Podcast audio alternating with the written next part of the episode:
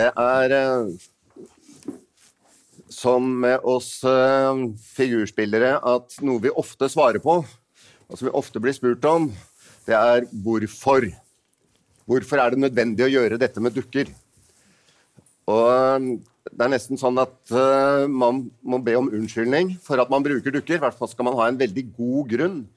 Og det holder liksom ikke bare å si at jeg syns det er gøy, eller det er det jeg driver med, faktisk. Men jeg har tenkt å stille spørsmålet til dere nå. Men jeg har tenkt å snu litt på det. Så jeg har tenkt å spørre Laura først. Ja. din forestilling. Ja. hva hadde vært det største problemet for deg hvis du skulle vært nødt til å gjøre den forestillingen uten dukker? Um, å få tak i den stemninga som jeg syns lå under teksten, syns jeg på en måte Eller det var min grunn til å søke om Eller altså å lage det om til figurteater. Det var en sånn stemning som lå tett inni, som jeg ikke helt fikk tak i teksten. Ja, altså man, jeg kunne jo ha gjort det om til scenografi eller noe, men det trigga meg å lage dukker som kunne representere ulike følelser og Ja. Kan eh, dukkene representere følelser bedre enn mennesker? Ja, for min del kan det det.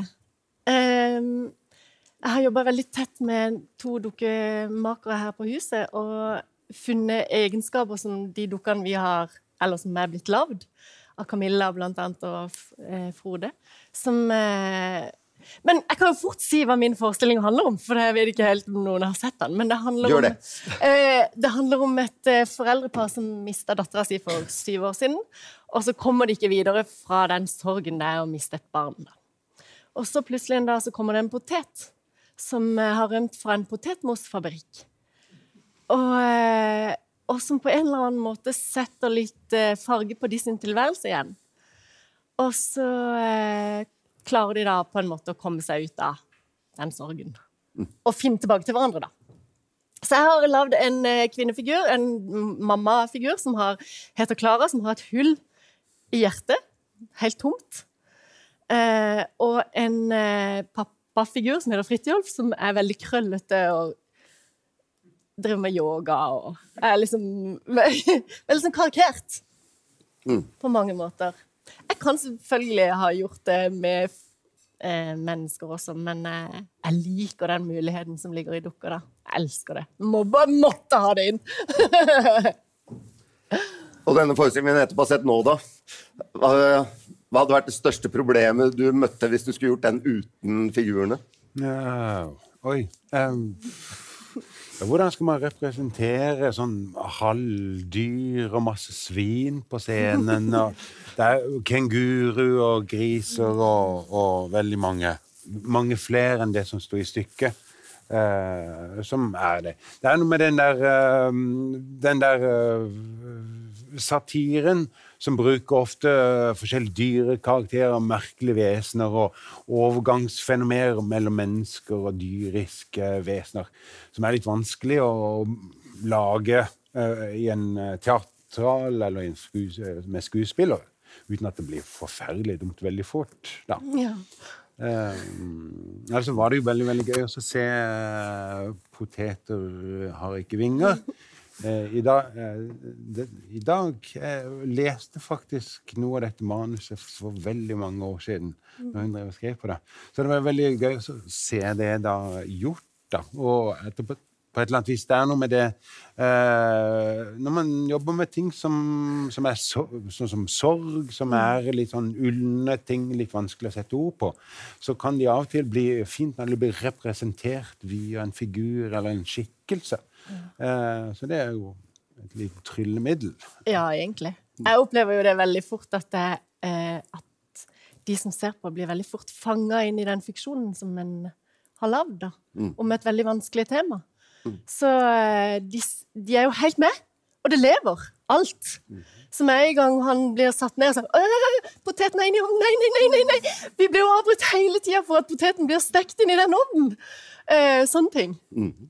Veldig jeg tror fiksjon er et veldig viktig eh, stikkord, eh, nøkkelord, når vi snakker om figurteater.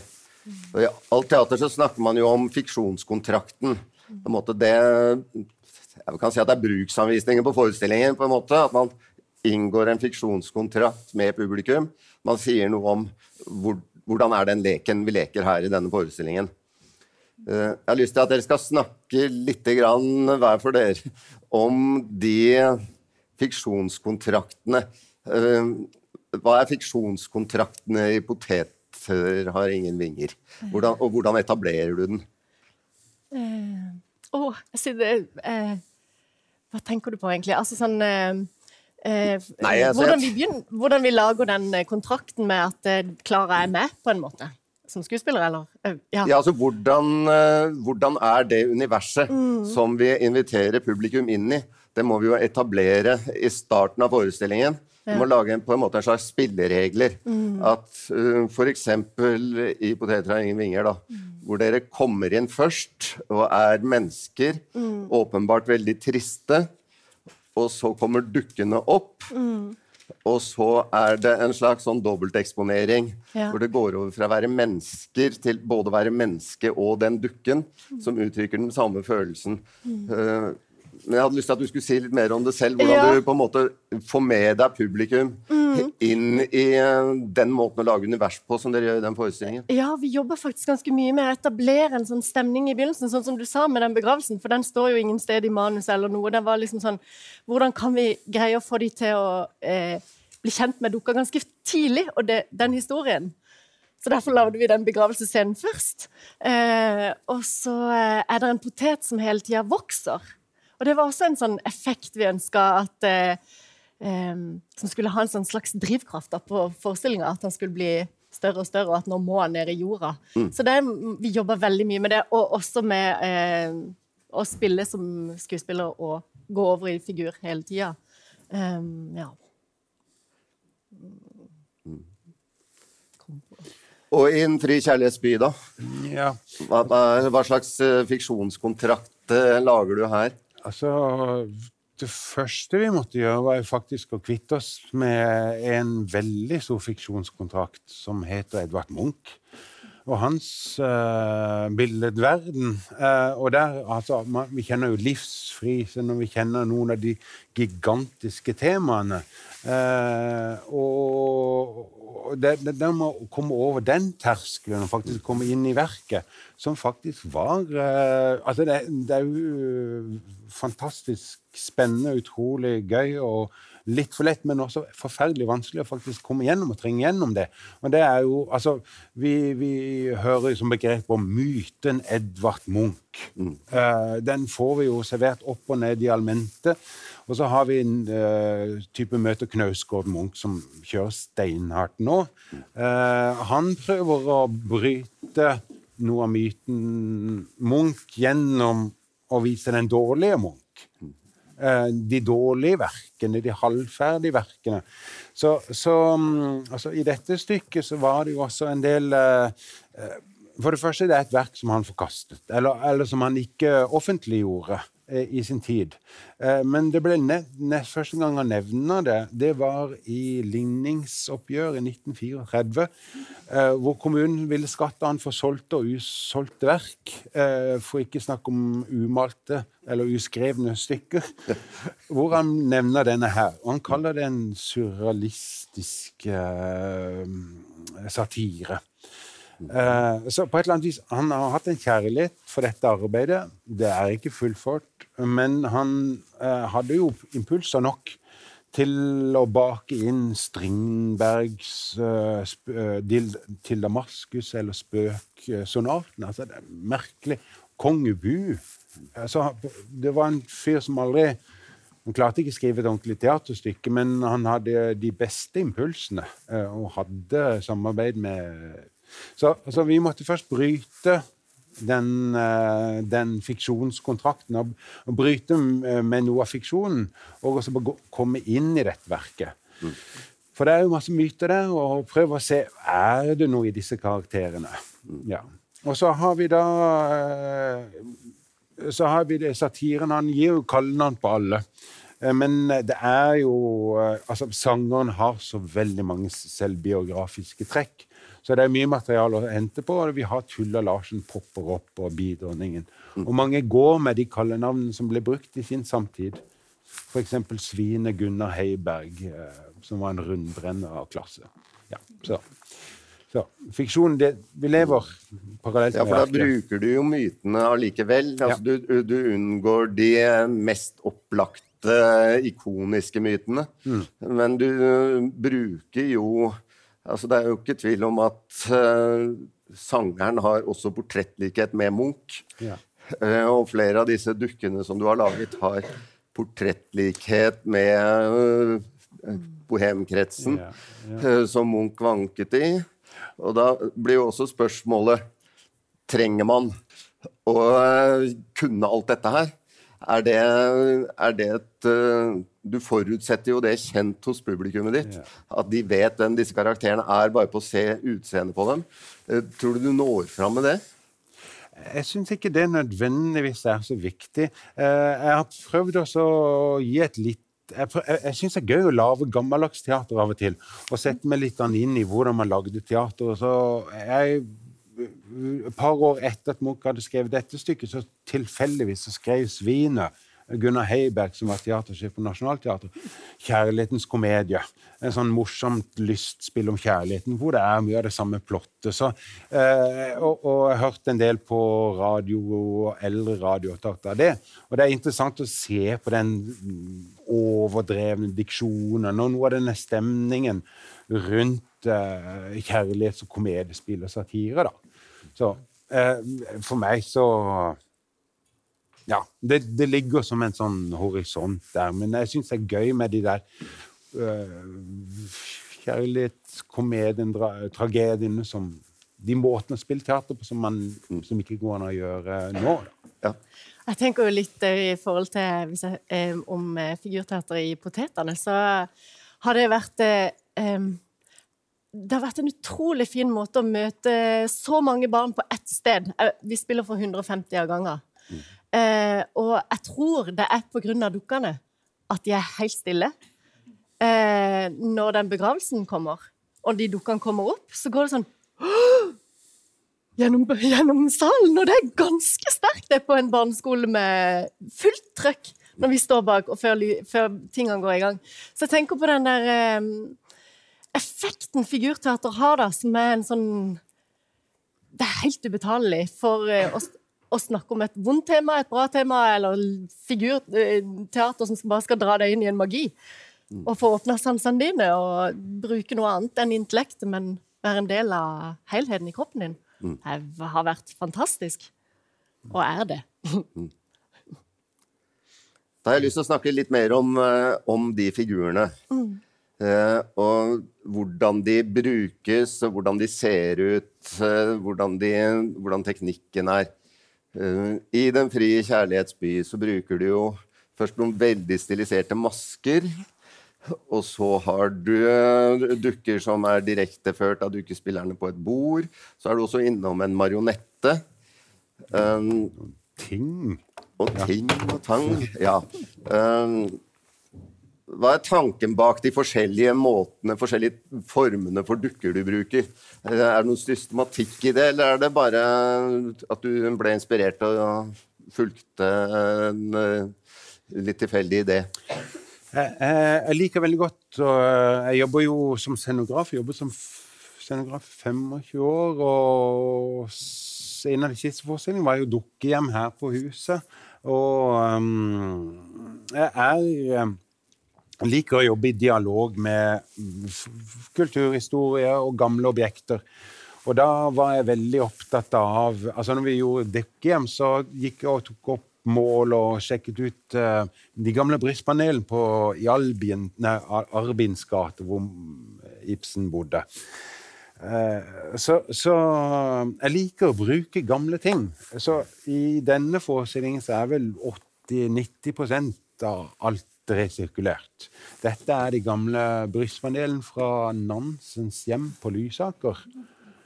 Ikke så polhøyde, men han bygde først en sveitservilla, og så reiv han den. Eller den ble revet i eh, 1980. Eh, Så dette er de gamle brystpanelene. Eh, Dommerkappen er fra den første kvinnelige høyesterettsdommer. Leder for Norsk Kvinneforbund, som eh, ble etablert eh, 1904, samme år som dette stykket ble skrevet. Men det å finne eh, materiale som har en historie. Eh, Og så var mansjettene det var jo det første jeg begynte med. Eh, mansjett- og skjortesnippene. Eh, det er, som er et symbol på eh, mannens uniformitet i epoken. Det å ja, bruke materiale som har en historie som forteller ja, kulturhistorie. Det er viktig. Også. Men den masken er jo brukt symbolsk også her. Maskene, hva er de? Er de heksene? Er- Henger det sammen med Macbeth og hekser? Ja. Eller er det Eh, Hvorfor har du masken? Det, det, det, det står i manus, rett og slett. Uh, Dyremanns Uh, Ja. Og Munch var veldig opptatt av masker. Eh, det mest berømte er jo kvinnemaske uh, over mannsfigur, eller sånn selvportrett, som han gjorde. Jeg jobbet på Munch-museet tre år som, mens jeg var student, så, så de har nok trengt inn i meg, da. Og så er det eh, Altså, det, jeg liker jo godt å jobbe med skulptur. Bl blande eh, i en sånn kollasj noe som er skapt, og noe som er satt sammen. Finne kombinasjoner, da. Og marionetten, altså han som hang i tråder. Hvorfor brukte du den teknikken plutselig? Ja, eh, dette er jo mitt svennestykke på et eller annet vis. Det, jeg har vært scenograf på noen eh, figurteaterforestillinger, men det er min debut som regissør, eh, iallfall på figurteater. Jeg har gjort noen rare ting i Paris før da, men eh, så, så, Og det er første gang jeg lager uh, figur, eller lager dukker, uh, så jeg hadde jo lyst til å prøve meg på mange forskjellige. Finne litt forskjellige måter å jobbe på. Da poppa de opp. Jeg har 20 til, som jeg ikke fikk plass til. Og dukken i poteten som gikk, hadde vinger. Ja. Det, altså, når jeg leste manuset, så fikk jeg veldig fort en forståelse at disse to var på en måte grodd fast, og at tida bare hadde stått stille inne hos de. Så jeg fikk lagd et tre som de da bor i. Eller for treet skulle representere tida. Så derfor så ble jo scenografien en slags sånn der eh, eh, vollgrav, eller hva man skal si. Og bak den et tre som går opp i en stor trekrone. Um, og det var for meg veldig fort et bilde på de sin tilstand og stillstand. Og så var det å begynne å jobbe med dukkene, da. Hva de skulle ha for noen eh, egenskaper og måter å bevege seg på. Jeg liker veldig godt sjøl, da, å jobbe med direkteførte dukker. En, altså det er en, inni, en pinne inni hodet og så en fri arm. og eh, derfor så ble det den typen. Eh, men så var det det med at eh, måten jeg alltid jobber med inn i, i ulike forestillinger, der jeg prøver å finne noe personlig i begynnelsen. Så jeg fant oldemor sin kjole. Så det er liksom kjolen til Klara. Og så um, Også den der frykten for å miste sjøl, da. Som er jo veldig sterkt, og det tror jeg det er for veldig mange. Og at det har representert for meg et sånt hull. En tom side i, en, i kroppen, på en måte. Så sånn blir hun til. Og det er jo masse man tegner og skriver og står på. Og så um, var det mannen som er Og det ble litt rart, for hun ble så lik til meg. så det var litt sånn åh. Men det var likevel noe i dialogen med dukkemarkeren som bare Det ble jo sånn. Um, og så eh, Mannen har jo samme måte å styre på, men litt mer sånn eh, stiv på et vis. Og så mye mer rotete i kostymeutforminga, kostymeutforming hår og For å liksom representere de egenskapene han hadde, da, rett og slett. Eh, poteten er mye mer statisk. Det er egentlig en sånn potet med en stang som har noen nydelige bein, da. Som er sånn groer. Eh, som løper rundt. Um, og så ble det bare på et tidspunkt viktig at denne poteten vokste, som jeg sa i stad. Men, eh, For det, det var også noe som vi bare tok som et grep inn i Og så ble det jo eh, Jeg blir jo hele denne vollgrava, som først er en grav, den blir eh, en rosehaug når fargene kommer tilbake i livet de sitt. Men, men der var det også mye om og men. Hvor skal dette være skjult i begynnelsen? Altså, det er jo en sånn prosess. Men eh, Det er litt spennende det med at den vokser. For det er jo? Det er jo et symbolsk virkemiddel og, som man kan gjøre med figurer. Man kan jo lage dem akkurat så store eller så små som man vil. Ja. Og det betyr jo noe. Mm. Så hva er det dere forsøker å uttrykke med at den poteten blir større og større ettersom eh, forestillingen skrider frem? Ja, for meg blir han jo større og større del av de sitt liv. Og tar mer og mer plass i, mellom de, på en måte. Så, og, og han må. Men alle, alle som ser det, må. Skjønner at han må ned i jorda før han sprekker. Men eh, og når du snakker med barn etterpå, så er det sånn Men poteter blir jo bare mindre og mindre, egentlig. Så det er sånn Fin, fin måte å snakke om poteter på, da, kan du si. Nei, men eh, ja. Ja, og realisme er det i hvert fall ikke. Nei. Og så har du jo også det at Klara tar ut det der sorte stoffet fra det hullet. Ja. Det er også Men selv om dette, begge disse forestillingene er jo veldig, eh, veldig billedspråklige og på ingen måte realistisk teater, eh, så jobber dere jo innimellom også med veldig eh, realistiske virkemidler. Hvor plutselig vi opplever at det ser ut som om dukkene lever.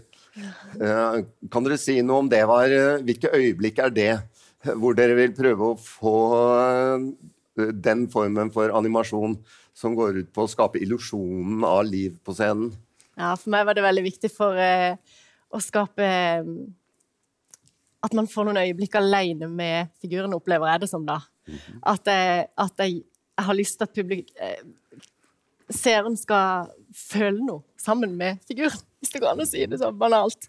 Men det er jo noe med at eh, når den får de øyeblikkene alene, så, så følger du med på en helt annen måte. Og du legger så mye av din egen historie også inn i det, som tilskuer. Litt det tenker jeg mest. Ja, jeg tenker på Dollarprinsessen hadde noen sånne øyeblikk. Eh, Også sangeren. Ja. Um, Altså, hun Dollarprins altså, Det har jo vært lenge sånn at kvinnen skulle føle på vegne av mannen. At eh, kvinnen skulle drive med all følinga istedenfor For det kunne jo ikke mennene gjøre. Så det var jo noen kvinner som tok det veldig veldig seriøst i visse epipoker. Så, så sånn Dollarprinsessen driver og føler for han, da, er alt det han ikke kan føle. Men han er jo veldig følsom på sin måte, men den er litt for rar måten å føle på. Så hun kan jo puste altså De har jo alle sine handikap, disse dukkene. Eh, noen kan ikke tenke, og noen kan ikke eh, snakke, og noen kan ikke så, så, så sånn Dollarprinsessen hun kan jo ikke gå, hun har ikke bein, men hun kan puste og føle veldig mye. Mens han eh, er jo litt stivsinnet. Eh, og sånn. Så så de har alle sine han- er jo på sitt beste når han er halvdøende på, i sykesenga. Ja. Da, da, da er han jo på sitt mest animerte på mange måter. Så, så, så de, de får eh, Merkelig nok så kan en én kroppslig begrensning eh, skape andre muligheter, da.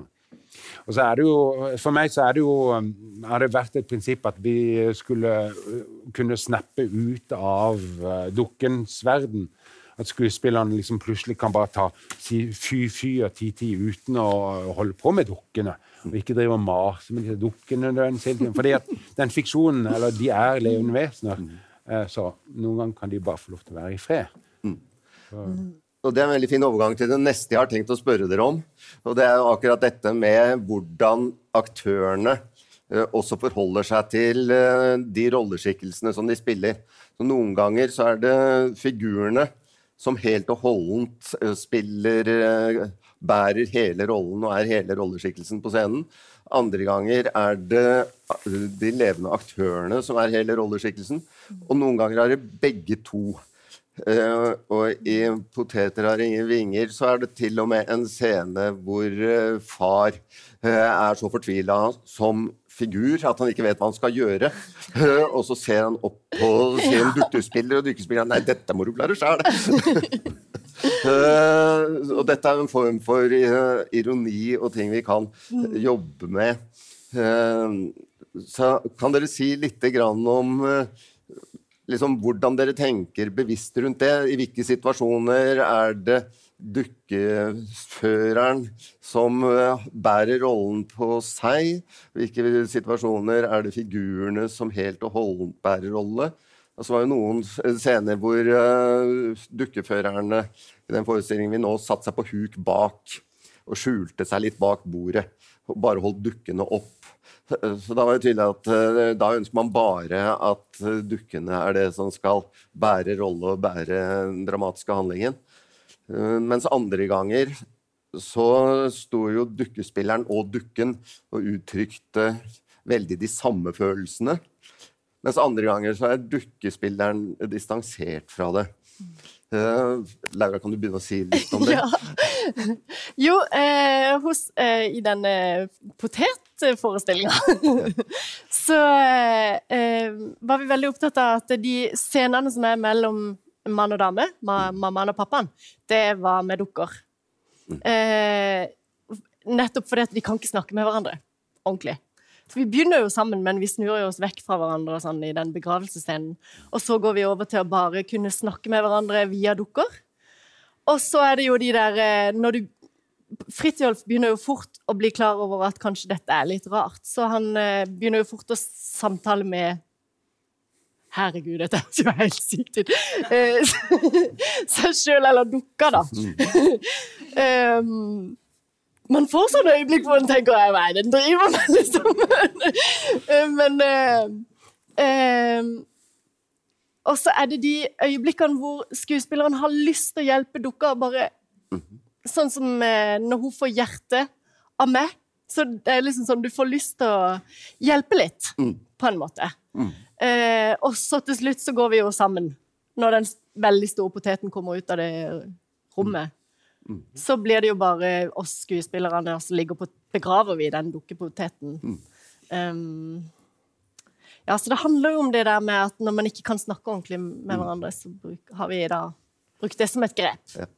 Vet de om hverandre i uh, fiksjonsuniverset deres? Vet uh, dukkene at de er dukker? Eh, eh, mm. Ja, din vet det. Din vet det, ja. Den er klar over sin rolle som dukke. Ja. mm. Min vet vel egentlig ikke helt før du tar opp på fersken med å ri på den poteten. ja.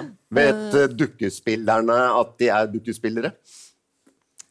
Uh, ja, at de er dukkespillere, ja. Vet de om det? Ja. ja. Mm. Vet henholdsvis dukken og dukkespilleren om at det sitter publikum og ser på dem? Ja, Fridtjof vet du. Fridtjof vet han ja. spiller i et publikum. Mm. Ja. Og av og til den lille poteten. Mm. Den veldig lille. Som kommer ja. ut av ovnen helt i begynnelsen. Alt dette har med fiksjonskontrakt å gjøre. Mm. Og, og, man kan bruke det for å uttrykke noe av det man jobber med. Mm. Nå har du hørt på hva vi har sagt om uh, poteten. Hva vil du si om din forestilling med tanke på relasjonen mellom dukkespiller og dukke her? Altså, De har jo bare lyst til å gå på fylla hele tida. Altså, det, det, det, er jo liksom historien eh, Det er, den, den, det er første gang vi spiller denne forestillingen i et teater. Uh, vi har spilt den på et museum, vi har spilt den på Kafé Hengebrett, hvor Munch og Bjørnson og Grieg og Ibsen og alle sammen hang rundt. Og det er jo Ja, det henger sånn opp, oppslag til et sånt utkastelsesbrev. Munch blir kastet ut fra Engebrett der. Ja. Så, så, det er jo mange røverhistorier rundt det. Og på et eller annet vis um, Det er fint å spille det i sånne sammenhenger.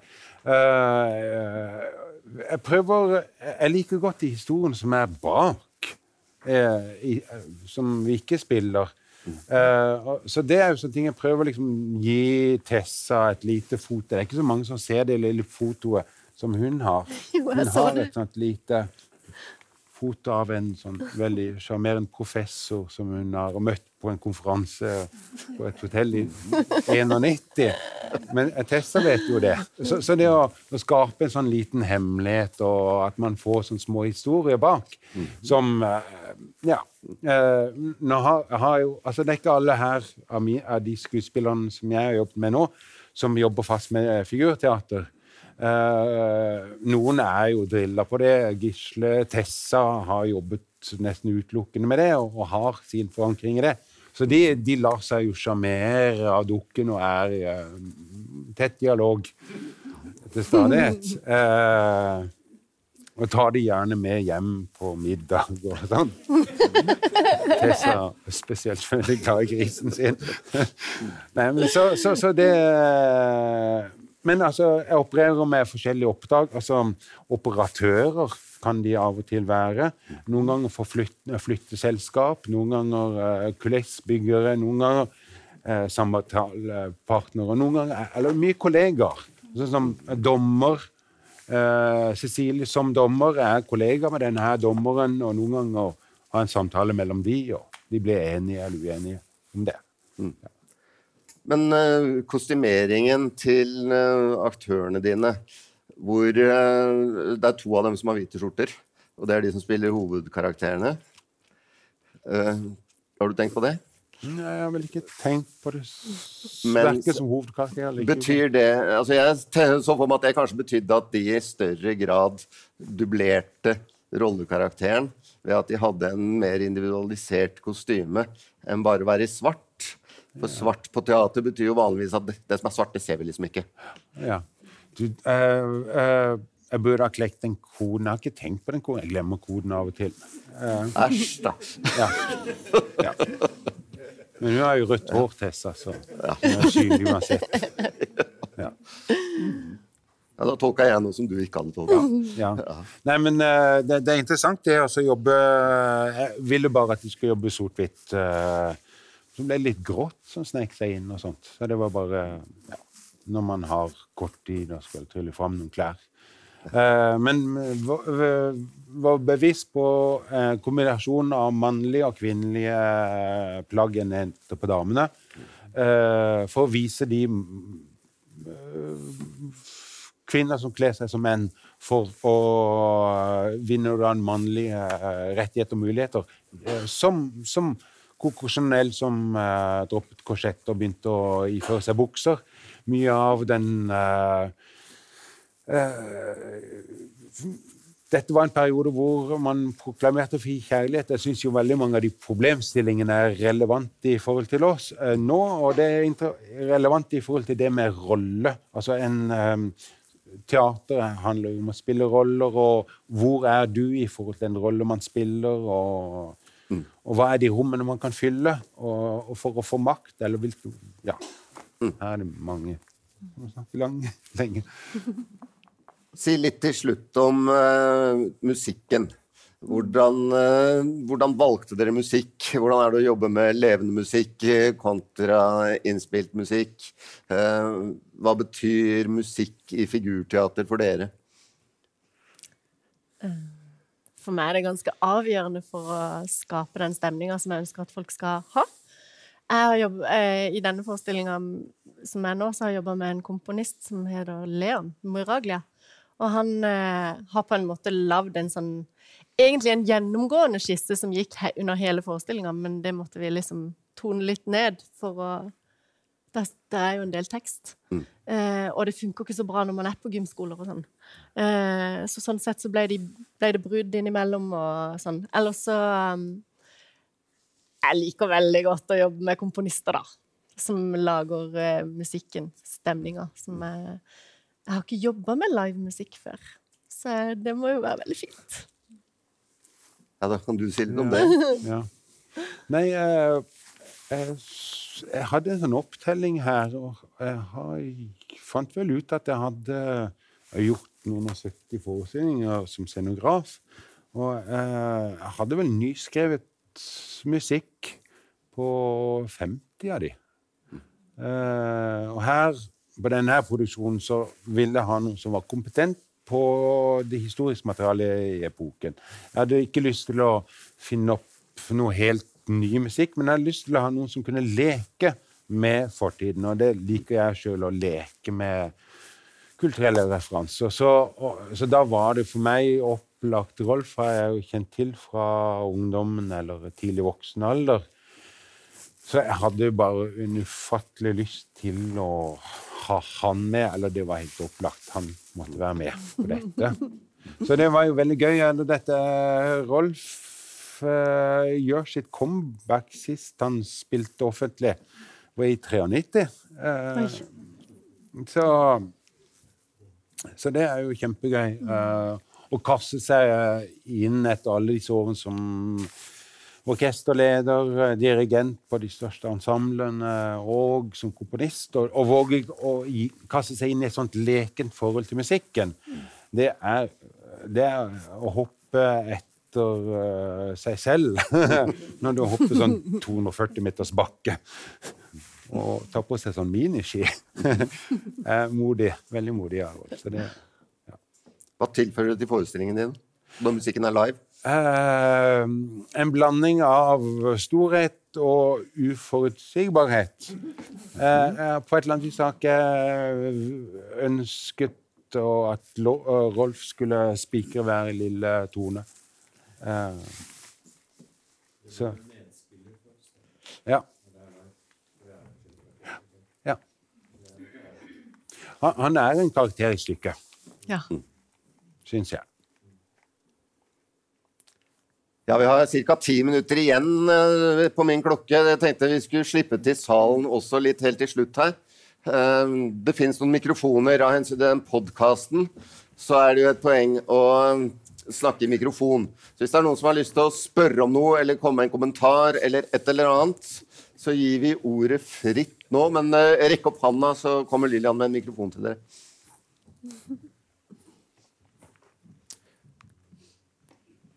Da ble det helt stille, gitt. Mm. Jeg er jo litt uh, at Jeg er jo Kristiansand opprinnelig, ja, men flytta her for 30 år siden. Og, og først litt i de senere årene har uh, fått anledning til å jobbe her i Kristiansand. Og første gang jeg er her med en egen forestilling. Uh, jeg bodde ikke i, i Norge engang de årene Figurteaterfestivalen var i Kristiansand. Mm. Men uh, jeg hadde lyst til å spørre Rekk opp ei hånd, de som har vært på Figurfestivalen når det var i sving. Ja. Det var den festivalen som jeg syns var den viktigste i hele verden. Uh, det var der jeg virkelig bare jeg hadde aldri sett maken, jeg. Plutselig kom det et digert øre glidende over scenen, og eh, det, bare skapte Det bare la alt grunn for at jeg driver med kunst. Eh, etter å ha vært på den festivalen. Det var så viktig. Eh, sikkert for flere enn meg, tenker jeg. Så eh, Please come back! ja, den er høyt savnet. Ja, veldig.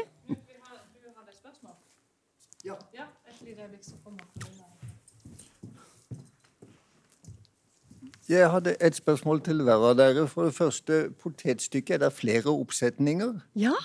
Det er eh, i morgen og på lørdag her på Kilden klokka ett. Og det er vel det som er på Kilden som jeg vet om. Ellers er vi rundt på alle skolene i Agder. Men eh, i morgen klokka ett og på lørdag, da er det hjertelig velkommen. Og det andre spørsmålet er det mulig å få en kort presentasjon eller noen ord om hver enkelt av dukkene? Ja, kan vi ta. Fort inn etterpå. Se om det er noen flere spørsmål først. Noen som lurer på noe?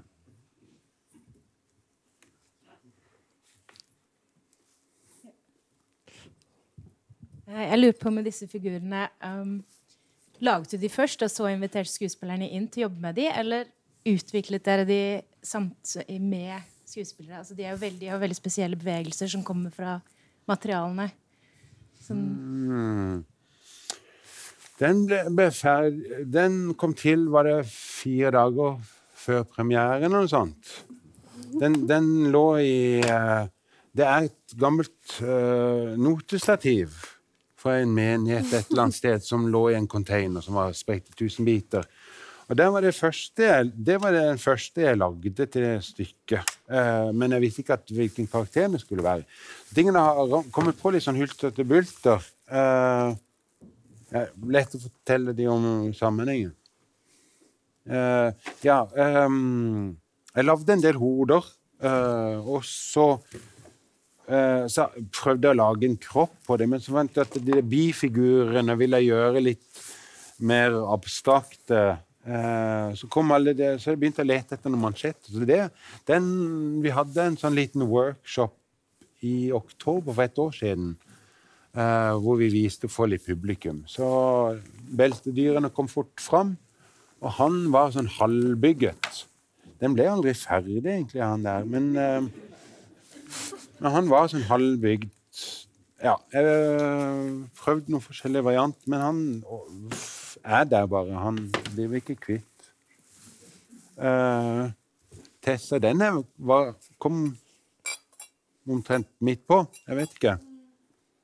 Uh, ja, jeg var opptatt av å lage noen slags papirstofffigurer. Den kom uh, Det står jo uh, Altså, dette er diakonissen. Munch var jo på veldig mange sykeopphold og sånt. Likte veldig godt det å bli stelt med. dette er dommeren. Uh, Høyesterettsdommer Stang, som var bror til statsminister Stang i denne epoken. Eh, en, også en foregangsfigur i forhold til det med kvinne, eh, kvinne, kvinnestemmerett. Eh, ganske radikale folk. Eh, og også i bohemkretsen. Uh, selvfølgelig Edvard Nei Krogh, kanskje? Christian Krogh, ja. Uh, han har et kallenavn som heter Moderne Moses. Det var også noe som Strindberg brukte i sine tekster. Altså, uh, man snakker jo om hannreier, har jo uh, hornene i panna. Og det var jo også Moses sitt tegn. ellers selvfølgelig Ja, den moderne Moses, og det er det skrevet en doktoravhandling faktisk på. Så jeg måtte bare følge oppskriften på han, da. det er de gamle klokk... Eller det var et sånt ur som jeg fant hjemme Eh, gammel snippskjort. Her har vi jo Moseloven på innsiden av mansjetten. Eh, og så har vi Disse står ikke i stykket i det hele tatt, men jeg hadde lagd disse trynene, og jeg likte de, og det var det første jeg lagde. Jeg begynner ofte med noe som ikke er i stykket engang. Men eh, så ble jeg så glad i det. Så vi måtte ha noen sånn meddommere. Eh, politikeren, han er står i stykket. Og han har uh, krigsrapporter fra 1966, Vietnamkrig, Washington Post. Uh, så han er jo krigshisser. Uh, og, og, her, de fleste ansiktene de er de har Førsteutgaven av Strindbergs til Damaskus eller, eller sånn Det er kasjert på dem? Ja. ja. Ja, så de, de, har en sånn historie, alle disse her. Ja. Jeg vet ikke. Oda Krog. Eh, hun er jo her. Eh, Svinet Ja, jeg vet ikke. De fikk ikke opp Ja, det er Oda Krog. Hun kommer jo ikke helt Hun var jo berømt for uh, alle sine hun hadde jo forhold til forferdelig mange menn, in inkludert han. Gunnar Heiberg de bodde jo et år i Paris uh, uh, mens Krogh satt i Oslo og malte. Og så har vi ikke hvem vi har eller ikke. Ja, Tulla Larsen, det er sikkert Ja. Gjenkjent henne, da. Uh, uh, så har vi ja, Hans Jæger. Så han har jo veldig mange meninger overalt på alt. Og dette var sportselskerinnen Taulov. Mille Taulov. Mm -hmm. Er det ikke det hun heter? Vet ikke. Jo, Mille Behn, som, ble, som ble gift Taulov. Som var, dere har sikkert sett i det maleriet 'Stemmen' og 'Tre kvinner på stranden' av Munch og sånt. Mm. Det var Munchs første store kjærlighet, men hun var jo gift og hadde jo sine uh, affærer å stelle med. Så han kom ikke så langt med henne. Ja, så de er, ja, de er der. Sånn. Ja.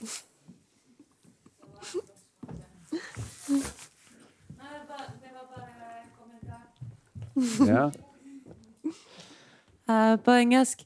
Just a little comment on the question that yes, uh, Dormor had the design, he had almost finished all the puppets, and then our us performers we just gave some little last technical hints after we had had one round. For example, those guys with the small hat and the white uh, thing back there.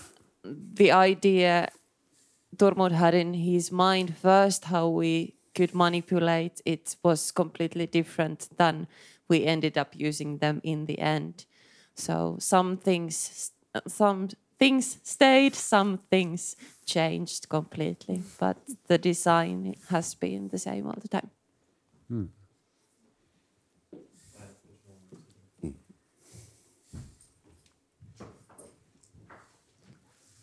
Ja, det var, det var sagt eh, noe i begynnelsen om, om store og små figurer.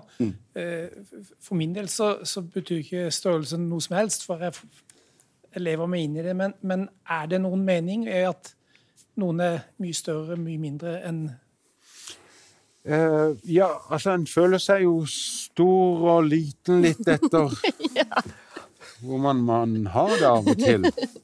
Eh, sangeren, han eh, er jo ikke helt til å stole på. Noen ganger helt hul, og noen ganger er han bitte liten. Jeg vet ikke. Potetene, de vokser og skrymper. ja.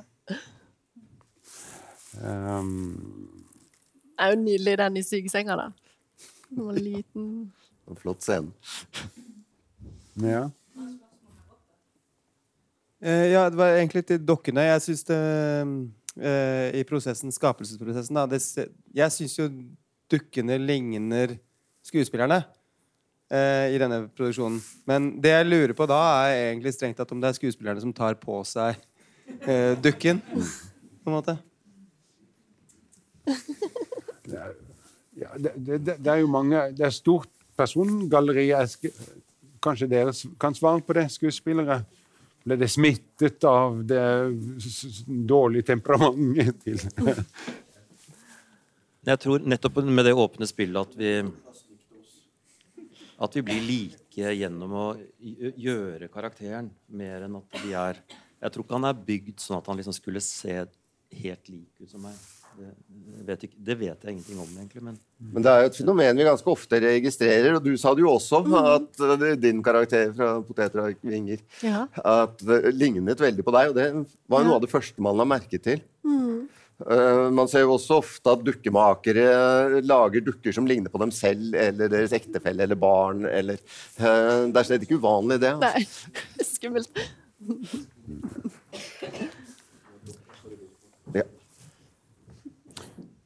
Er det flere spørsmål helt på tampen, eller så tror jeg vi begynner fall ett spørsmål til, tar vi, og så setter vi strek under det innlegget som kommer nå. Jeg kan jo spørre hvordan, hvordan har prosessen vært eh, til skuespillerne med dukkene? Altså, har de holdt på i en måned? Har de holdt på i ti måneder med dette? Eller hva er prosessen? Snakk med skuespillerstemma, Gisle. Ja, jeg kan, nå har jeg denne, så slipper jeg. Men eh, det har vært en vanlig, mer eller mindre prøveperiode som var ikke Noen ganger er jo en prøveperiode åtte uker. Andre ganger vi hadde seks, eller noe sånt. seks og en halv Seks og en halv uke, Ja. som er en, absolutt en prøveperiode. Um, og i den perioden Det er ikke vanlig at jeg driver og drar med meg dukke hjem, for jeg er egentlig litt redd for dukker, men jeg tok med han hjem. Fordi at uh, det tok lang tid å bli venner med han. Jeg opplevde egentlig at han bare var en fyrstikk av en mann som ikke kunne gjøre så veldig mye med. Men så putta Tormod magneter i lommene hans, sånn at jeg kunne få liksom litt stil på han. Når han liksom kunne holde henda i siden, så fikk han litt sånn form.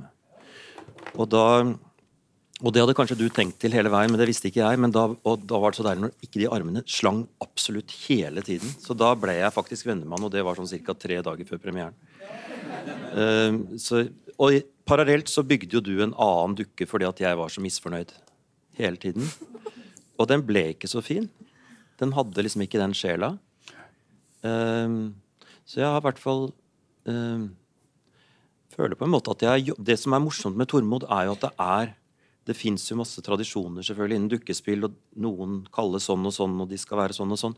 Men du tar det jo mer ut fra materialet og er ganske fri i forhold til teknikken, da. Det er bare om å gjøre å finne ut hvordan går denne dukken, hvordan står den, og hvordan puster han, er jo veldig viktig.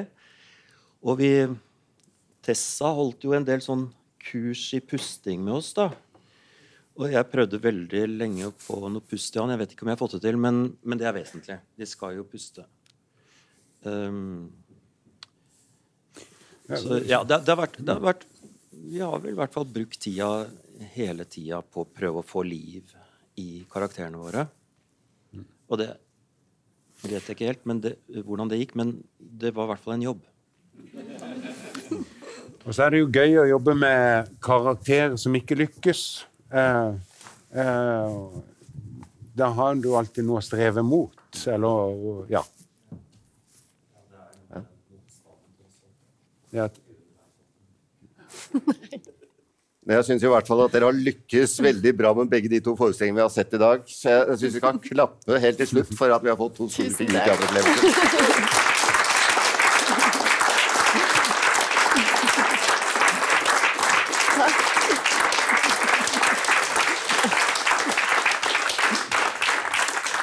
Takk for at dere kom, og takk for at dere ble med på denne samtalen etterpå.